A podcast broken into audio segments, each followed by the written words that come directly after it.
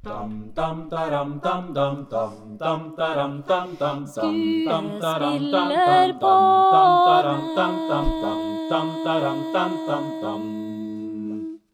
Velkommen til Skuespillerpodden. Dette er ikke podkasten å lytte på hvis du har lyst til å komme under huden på kjendiser. Men om du derimot har lyst til å forstå mer om skuespillerkunst, så er dette noe for deg. Her er det lov for gjestene å nerde om fagfeltet sitt, og så er det min jobb å stille idiotspørsmålene. Og jeg er Øystein Stene, forfatter med en livslang interesse for skuespillerkunst, og dessuten pedagog på Teaterhøgskolen ved Kunsthøgskolen i Oslo. I denne episoden så skal vi forsøke å snakke om hva er en skuespillerkropp? Og med meg til å gjøre det, så har jeg to stykker som har jobba i bevegelsesfaget i utdanning av skuespillere i mange år. Den ene har nylig gitt seg etter flere tiår som eh, dekan og prorektor, blant annet, på Kunsthøgskolen i Oslo, nemlig førstelektor Hanne Rige. Og den andre har jobba ved Kunsthøgskolen og Teaterhøgskolen de siste seks årene, nemlig koreograf, danser og høyskolelektor Sylvi Fredriksen.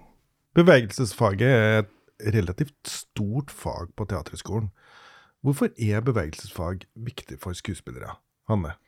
For skuespillere bruker kroppen sin som et instrument i scenisk arbeid. Har du noe å legge til, Sylvi? Kroppen er alt. Det er jo det vi ser på scenen. Det er det vi ser hele tiden. Dere har jo begge to danseutdannelse som utgangspunkt. Er det vanlig at det er dansere som ender opp å undervise i bevegelsesfag for skuespillere? Eh, Det er ikke så rart at det er dansere, fordi eh, det er ingen utdannelse i å undervise for skuespillere. Det er noe man lærer seg underveis. Så jeg var så heldig å starte med jazzballett, og så skjønte jeg at det, orket jeg ikke å gjøre hver eneste dag. Jeg orket ikke å smile og være glad, og så videreutdannet jeg meg i noe som heter theater movement, og det fantes ikke, og tror jeg ikke heller nå finnes i Norge. Hvordan snubla du inn i teaterfeltet da, Sylvi? Jeg har jo alltid vært eh, veldig interessert i teater.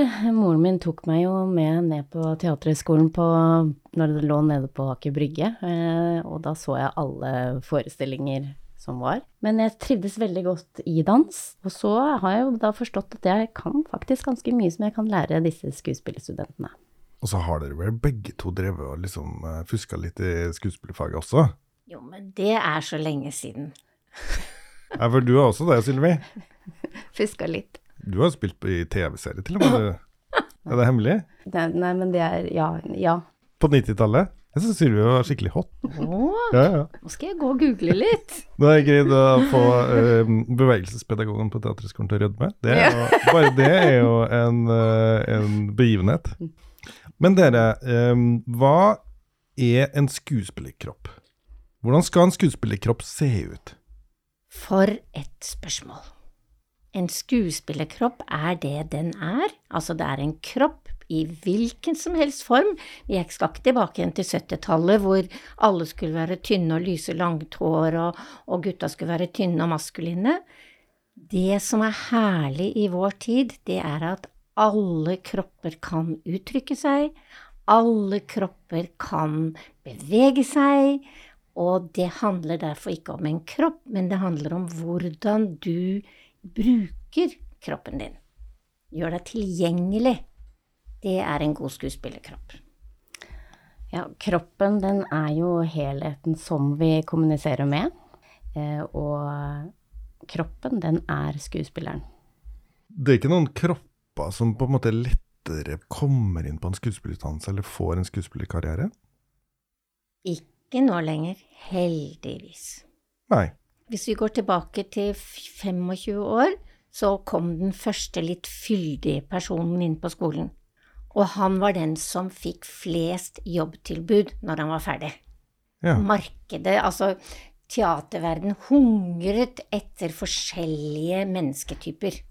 Du vil rett og slett tidfeste dette til uh, noen tiår siden? At Ja. man begynte liksom å se etter et større mangfold i kroppa, Ja. Og at man ble interessert i mangfoldet av kroppa. de fleste kropper har en uh, tilgjengelighet, og de må bare lære hvordan de skal bruke den, ja. og, og, hvor det er uh, de skal gå inn, og hvilke verktøy vi kan hjelpe dem med. Dere nevner jo tilgjengelighet her som et stikkord. Det kan være en hvilken som helst kropp, men den må kunne tilgjengeliggjøres for så, så, Og hva er, det, hva er det mener da, når dere snakker om tilgjengelighet? Eh, tankene de forstyrrer veldig ofte det kroppen har lyst til å gjøre. Og så det gjelder faktisk å få tanker og fysikk til å jobbe sammen. Kall det mentalt, kall det fysisk, kall det hva du vil, men viljen, eller begrensningen som av og til er i viljen, eh, gjør at man ikke tør å gjøre alt som man impulsivt har lyst til. Å komme over den barrieren. Og når kroppen er i riktig balanse, så gir det en optimal eh, utnyttelse av pust og funksjonell bevegelse. Hva, hva vil si at en kropp skal være i balanse, Sylvi? Blant annet så jobber jeg helt i starten med første klasse, jobber jeg med at de skal få en bevissthet på en loddlinje i kroppen. Rett og slett hvordan man står riktig plassert rent anatomisk. Man ser jo nå på dagens eh, ungdom og unge, eller mennesker generelt, at vi har fått en veldig spesiell holdning, spesielt i nakken. Og hodet er plassert litt fremover, og da skylder jeg jo på mobilbruk og iPader. At vi sitter mye mer fremoverlent, krumbøyd. Og det ser jeg tydelig på studenter i dag, at uh, de er feilplassert i, i hodet og skuldre og nakke, som skaper masse spenninger eh, som ikke er så veldig funksjonelt. Så da er det å gi dem ulike øvelser og, og både styrke og um, tøyninger for å komme i en fin loddlinje. Og den loddlinjen, det er jo ikke noe man skal gå og være i. Nei, helt riktig. Det er på en måte et nullpunkt eller et startmarkør, hvor man kan sveipe innom så man legger fra seg både tanker og følelser og liksom gjør seg klar gjennom hele kroppen. Og da er det veldig godt å ha loddlinjen som en start, men først må man på en måte ha et nullpunkt, da. I når, kroppen. Når dere bruker da begrepet loddlinje, bare sånn for liksom prøve å uh, forstå hva det betyr. eh, kan jeg bruke assosiasjonen av et lodd da? da? Altså at, at, det henger et lodd i bunnen av et tau, liksom? Helt anatomisk så handler det om å gå, ha en rett linje fra øre gjennom skulder, gjennom hofte, gjennom kne og ned til ankelknoken. Men enhver kropp er jo forskjellig. Eh, så vi ser jo veldig stor forskjell på, på alle kropper. Så det er ikke dermed sagt at dette er en riktig loddlinje for alle. Er dette et begrep fra danse, eller, eller anatomisk begrep? Det er vel et anatomisk begrep. Anatomisk. Ja. Ok, Så det å finne loddlinja og liksom bli kjent med den, er et viktig utgangspunkt for eh, skuespilleren? Skuespillerstudenten? Ja, og vet du hvorfor? Fordi at vi mennesker, vi prøver å holde oss rette. Og da spenner vi. Da begrenser vi vårt uttrykk. Men i det øyeblikk vi kan hvile i å ha så sterke, gode muskler at vi kan hvile i loddlinjen, så har vi fri pust, og da kan vi gjøre hva som helst. Hvis jeg skal prøve å si det på en annen måte, så handler det om å bruke minst mulig energi for å gjøre det man gjør, eller? Ja, jeg mener jo det. Mm, det, er, det er da det blir naturlig. Mm. Når man bruker minst mulig energi? Mm. Eller bruker riktig, riktig energi. energi. til oppgaven. Ok. Hvis du har en uh, bra plassert loddlinje, så trenger du ikke å bruke så mye muskelkraft eller så mye kraft jeg, jeg, tenker at alle sammen som har trent litt, har jo merka at mye trening, f.eks., så får kneet vårt vondt, eller, eller ankelen, eller et eller annet skjer, og det er vel kanskje fordi vi ikke bruker kroppen helt uh, riktig eller balansert, da, kanskje? Organisk. Ja. Organisk. Mm. Så i bevegelsesfaget så høres det ut som det er viktig at man skal bli kjent med kroppen sin på ulike måter. Hvordan gjør man det i en skuespillerutdannelse? Ja, man blir jo også kjent med kroppen sine vaner og uvaner.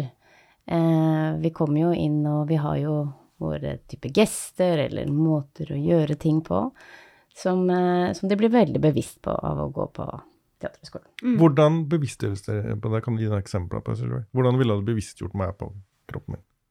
Eh, da ville jeg sagt til deg, Øystein, hver gang vi sitter i møte, hvordan sitter du på stolen da?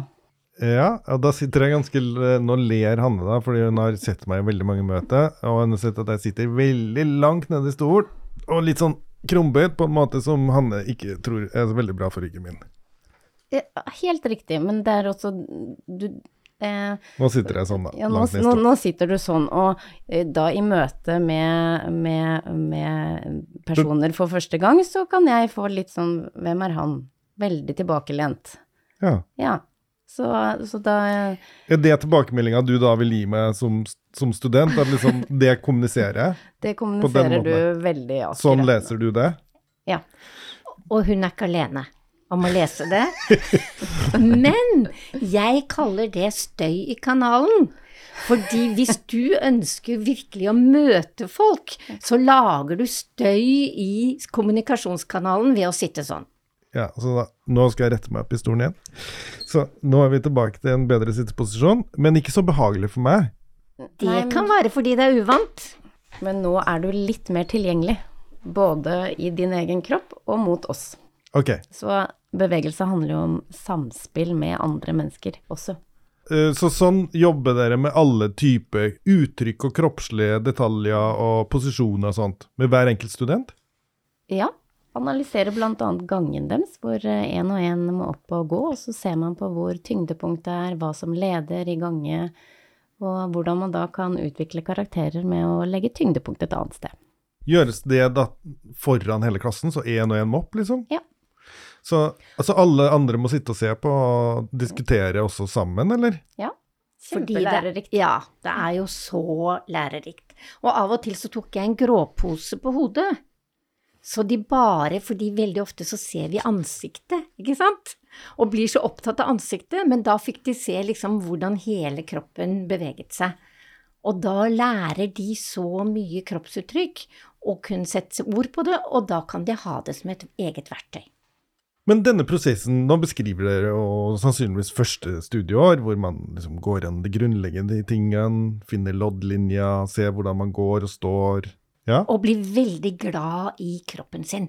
Det er det viktigste. Få lov å flytte grenser, Ja. syns jeg i første klasse. ja hvordan gjør man folk glad og stolt i kroppen sin, da? For jeg er ikke noe glad og stolt i kroppen min. Men du har ikke gått på teaterskolen? Hvordan Nei, men hvordan gjør man det? Å bli glad i kroppen sin handler om å stoppe den der mm, tankene som begrenser oss, og tillate å gjøre ting litt impulsivt. Få bort, bort eh, blokkeringer. Mm. Eh, og det kan være både mentalt og fysisk. Eh, så eh, dette gjøres ved at vi, vi har mye dans, vi har mye improvisasjon, eh, vi har yoga, vi puster, vi ler, vi leker. Og eh, man får, et, får en trygghet i egen kropp, og at man stoler på at den kroppen har noe å formidle. Et viktig element her høres ut som å komme da i kontakt med impulser og la de slippe til. At ikke liksom de skal bli sensurert og stoppa til enhver tid. Er det noe der, eller? Absolutt. Og improvisasjon, og det å slippe seg til, og bare gjøre ut fra hva som skjer i rommet, eller ut fra hva som skjer der og da, det gjør jo ikke vi mennesker til daglig. Vi er veldig opptatt av å gjøre ting riktig, eller være flinke, eller gjøre det korrekt. Altså alle disse tingene som stopper oss. I bevegelsesfaget så er det også et fag som heter kontaktimprovisasjon. Kan du forklare hva det er for noe? Eh, Kontaktimprovisasjon handler om nærhet og avstand. Det handler om hva skjer når jeg kommer nær et menneske, hvordan kan jeg gi fra meg vekten, hvordan kan jeg eh, la de, alle disse ubehagelige tankene som uff, nå er jeg for nær, uff, nå tar jeg på puppen, uff, nå Altså, hvordan kan man bare være til stede i det å ta og gi vekt, og la de opplevelsene få lov å rulle videre til noe som ingen hadde planlagt. Og så handler også kontaktimprovisasjon om det å stole på hverandre. Absolutt. Å stole på sin egen kropp og sin egen vekt. Men her er vi jo i hver eneste klasserom. eh, Folk med veldig forskjellige grenser, helt sikkert. Hva, er min liksom nærgre- hva folks nærgrense varierer jo veldig.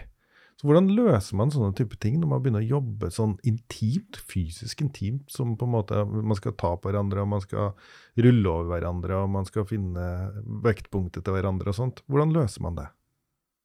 Det er å bli kjent med det. Bli kjent med det og komme forbi det på en måte, fordi hvis du på scenen skal gjøre noe som er nært, og ikke liker det, så vil jo kroppen din uttrykke noe annet enn det karakteren skal gjøre i den situasjonen.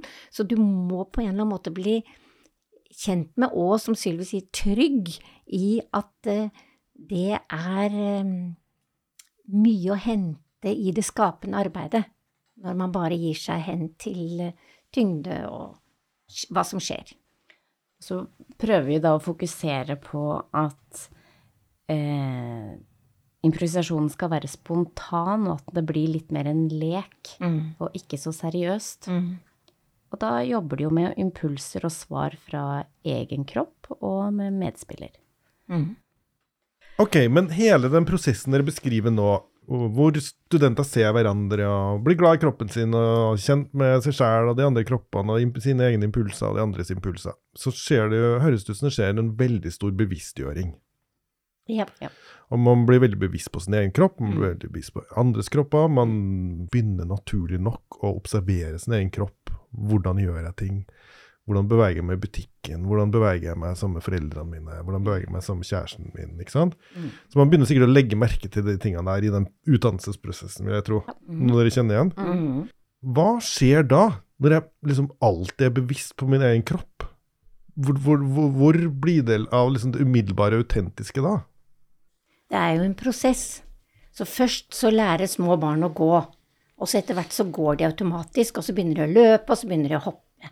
Akkurat som nå, når de er i den alderen de, når de kommer inn her, så, bli, så kan de forhåpentligvis bli bevisst alle mulighetene de har i kroppen.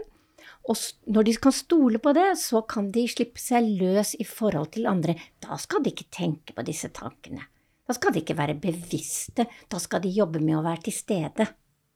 Men spørsmålet mitt er kanskje litt sånn Kan skuespillere ende opp med å bli for selvbevisst? Og det her er jo en alminnelig kritikk mot uh, teater, f.eks. av og til. At man liksom opplever at liksom alt er for kalkulert, det er for teknisk. Eller, eller kanskje sliter dere ikke med at skuespillere er veldig teknisk? Det kommer veldig an på person, og det er veldig synlig på teatret når folk er kalkulerte. Da faller jeg fra som publikummer. Da er jeg ikke interessert. Men i det øyeblikk de er til stede og opptatt av det som skjer, så svarer kroppen, og så glemmer de å bli bevisst. Ja, det er jo eh, noen skuespillere som jeg ser på scenen som for eksempel har noen tillærte gester som de egentlig velger å bruke i alle stykker. Og da, da er de ikke helt til stede. Da vurderer de, ja. eller husker ikke hva de skal si. Altså, de bruker veldig ofte gester som en substitutt for ikke å være helt til stede. Ja. Er deres medisin da, på det å bli for selvbevisst som skuespiller, tilstedeværelse? Jeg vil si det. Ja. Bevisst tilstedeværelse. Ja, altså det, det, handler om tanken, ikke sant. Ja. Er tankene opptatt av hvordan du skal prestere, eller er tankene opptatt av, av hvordan du skal for fortid eller fremtid, så er du ikke til stede. Men kroppen, den er faktisk til stede akkurat nå. Så hvis du legger oppmerksomheten ned i føttene dine, for eksempel, så er du til stede. Og så kan du videreføre. Da har du brutt tankeflommen, tankemønsteret ditt. Det er kroppen som kan hjelpe deg til å være til stede. Kroppen og partner eller de du jobber sammen med. Kan dere gi meg noen eksempler på hvordan jeg kan øh, gjøre det helt konkret? Hvordan kan, jeg, hvordan kan, jeg, være til stede i kroppen min? Du kan eksempel stå et tiendedels sekund før du skal gå inn i et rom, og så kan du kjenne føttene som er i skoene. Det er jo Kjenne om de er trange eller varme eller gode sokker eller et eller annet sånt. Og så kan du si her står jeg, og så kan du gå inn. Da, da er du en del av rommet. Da er hele kroppen engasjert i mm. den oppgaven. Mm. Eller ja. slippe magen, eller, eller, smile, eller kjenne ryggsøylen, eller Ja. Ha noen sånne støttepunkter i kroppen som du vet «Hm, Der er jeg på plass. Der er jeg. Har dere sånne selv? Absolutt. Er Noe dere kan avsløre? Ja. Som gammel danser så har jeg stått og holdt knærne og strukket knærne opp helt ekstremt. Og derfor er det å kjenne at jeg, oh, jeg går ned og kjenner føttene, og da, da er alt mulig. Hva jeg alltid gjør, eller gjorde før jeg gikk på scenen, var at jeg sto på en eh, pilatesball med veldig lite luft. Eh, som gjør at eh, det stabiliserer Jeg må stå og stabilisere og vekke hele nervesystemet og vekke alle småmuskulaturene. Det, sammen med pusten, så er jeg på plass. Hva er det med pusten? Hvorfor er pust så viktig i forhold til kropp? Pusten eh, blir også påvirket av nervesystemet vårt. Mhm. Det sympatiske og parasympatiske nervesystemet, som eh, påvirker oss mennesker veldig mye. Så det vil si at uh, det jeg føler eller tenker vil påvirke pusten min? Ja. Ja. Og slår dette begge veier? Hvis jeg da jobber med pusten, vil det også påvirke hvordan jeg føler og tenker? Tenk, er det en måte å si det på? Ja, innenfor når vi holder på med yoga for eksempel, så jobber vi jo kjempemye med bevisstheten på pust. Hvordan puste, ulike pusteteknikker. Og målet er å bli kjent med at pusten faktisk går av seg selv. Den går jo, hvis ikke vi tenker på den, så går den jo hele tiden. Og det å ha tiltro til pust er én ting, og så det andre er å kjenne kan jeg utvide eh, volumet i pusten, ikke sant? Kan jeg ha lang utpust og lang innpust? Så for hver gang du utvider pusten din, så trigger du en liten angst inni deg. Har jeg nok pust? Så Mm. derfor er den utvidelsen også med på å finne trygghet. Jeg vet ikke om dere kan huske sånn øyeblikk eh, for dere selv, men jeg kan huske liksom da jeg var liten, så kan jeg huske sånn øyeblikk hvor jeg plutselig oppdaget at pusten er automatisert. Og så bare, oi, shit, men jeg har ikke tenkt på pusten, men den går jo av seg selv. Og så begynner jeg å tenke på pusten, og så blir jeg helt stresset. Yeah. Får jeg til å puste, så kjennes det som jeg har for lite pust hele tiden, liksom. Kan dere huske det? Oi, Ja. ja. Jeg, Og i forhold til hjertet, tenkte jeg Mm. alltid at det slutter jo aldri å slå. Nei. Det jobber jo hele tiden. Og pusten er jo en slags sånn mellomposisjon her, mellom, hva heter det for noe når, når, når, når, når, når muskelen går av seg selv, sånn som hjertet? Autonom. autonome. Autonom, ja. Mm. Mens pusten er jo sånn halvautonom. Nei, den er egentlig autonom. Det Er bare autonom? vi som har så lyst til å styre den. Ja, men vi gjør jo det, vi får jo til å styre pusten. Ja, men da må du bruke masse tanker på det. Hvis du, hvis du skal bruke pusten, tenke på pusten og være til stede hos en annen, så, så må du velge. Ja, men helt siden vi begynte å snakke om pust her nå, så har, jeg, så har noe av bevisstheten min gått til å kjenne på pusten. Det jo, jeg, Men det er det samme vi snakker om når det gjelder å bli bevisst kropp. Så har det blitt bevisst hvordan puster jeg, hvordan kan jeg utvide potensialet, og hvordan kan jeg slippe det og stole på det. hvor viktig vil dere si at det å, å, å liksom trene mye og være i god form er en forutsetning for en skuespiller? Jeg tenker at det er veldig viktig for å ha det ekstra overskuddet når du er på en scene. Og nå som også stykker varer i åtte timer, så skal du ha en god utholdenhet for å holde gjennom alle de åtte timene. Det er rett og slett fysisk krevende å Ja. stå på en scene. Kon- Absolutt. Mm, kondis. Og jeg eh, snakket med en student som gjør 40 maveøvelser hver dag. Og så sa jeg at det, tror du du blir god skuespiller da? Det, jo, det trodde han. Ja, men det gjør du ikke, sa jeg. For det er allsidig trening, ikke sant? Det er forside, bakside, det er bevegelighet, det er å gjøre masse forskjellig. Trener dere opp studentene i noen spesifikke fysiske ferdigheter? Hos meg, så når de starter her, så får de ulike spesifikke opp, eh, styrkeøvelser innenfor pilates. For å få på plass eventuelle dårlige skuldre, mange med spenninger i skuldrene, eh, vonde knær, vond hofte. Det er både tøyninger, eh, stabilitetstrening og eh, styrkeøvelser.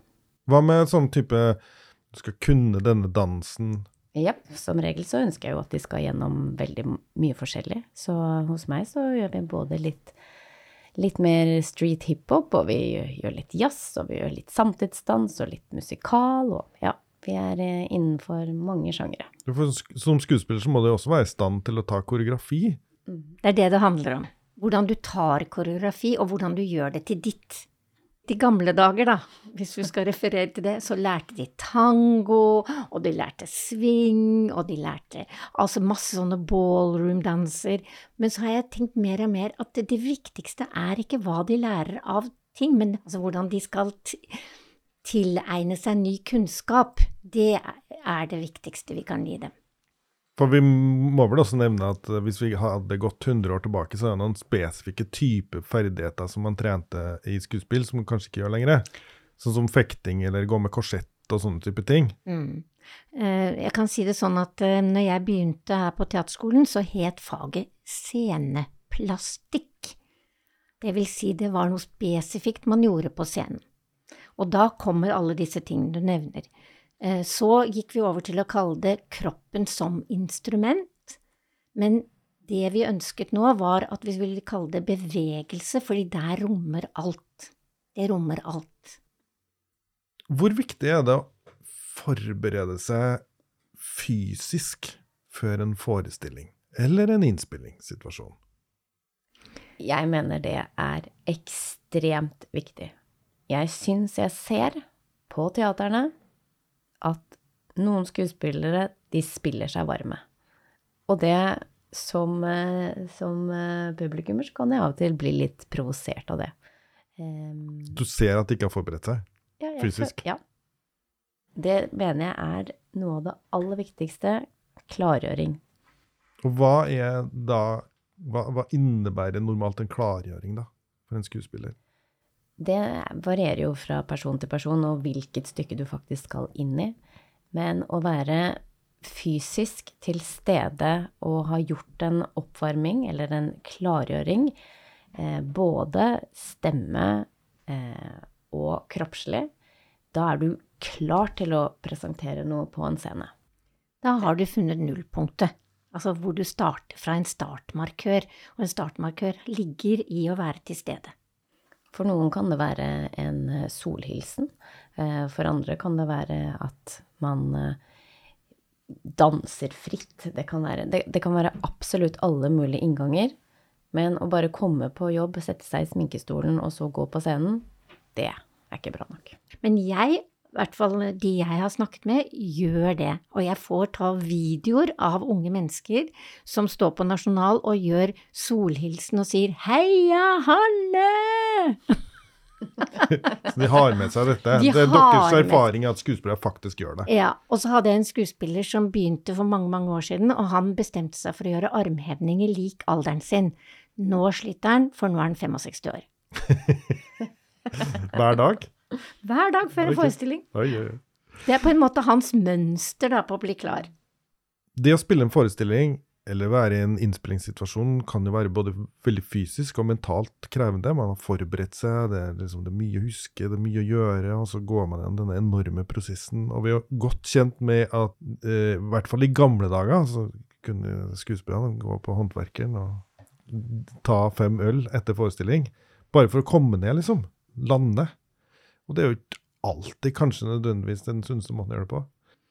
Man, har man adrenalin, altså er man helt hyper, så mangler man faktisk anatomisk eh, eh, Har man for mye karbondioksid i, i blodet, så gode utpust renser ut karbondioksid, hvis du skal tenke deg anatomisk, og gir eh, systemet i kroppen mer ro hvis du får bli kvitt karbondioksiden.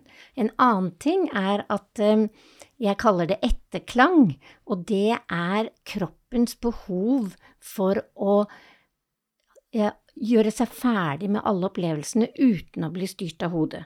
Derfor sier mange skuespillere ja, men jeg går hjem, jeg, og så setter jeg meg foran TV-en og ser på en, eh, en serie. Så sier jeg så bra! fordi at da får kroppen lov til å roe seg ned og bli ferdig med alle inntrykkene. For kroppen er ikke så rask som tankene. Sylvi, hva tenker du at er det viktigste bevegelsesfaget kan lære skuespillstudenter? Eh, å stole på egen kropp og egen formidlingsevne. Hanne, du har skrevet en bok som heter Drivpunktet, håndbok for deg som vil jobbe skapende. Og den boka tar jo utgangspunkt i din erfaring som bevegelsespedagog, hvor du skriver om eh, hvordan kropp og det å skape henger sammen. Hvorfor gjør det det? Kroppen, når den får mulighet, så er den intuitivt skapende. Det er tankene som ofte stopper kroppens intuitive handling.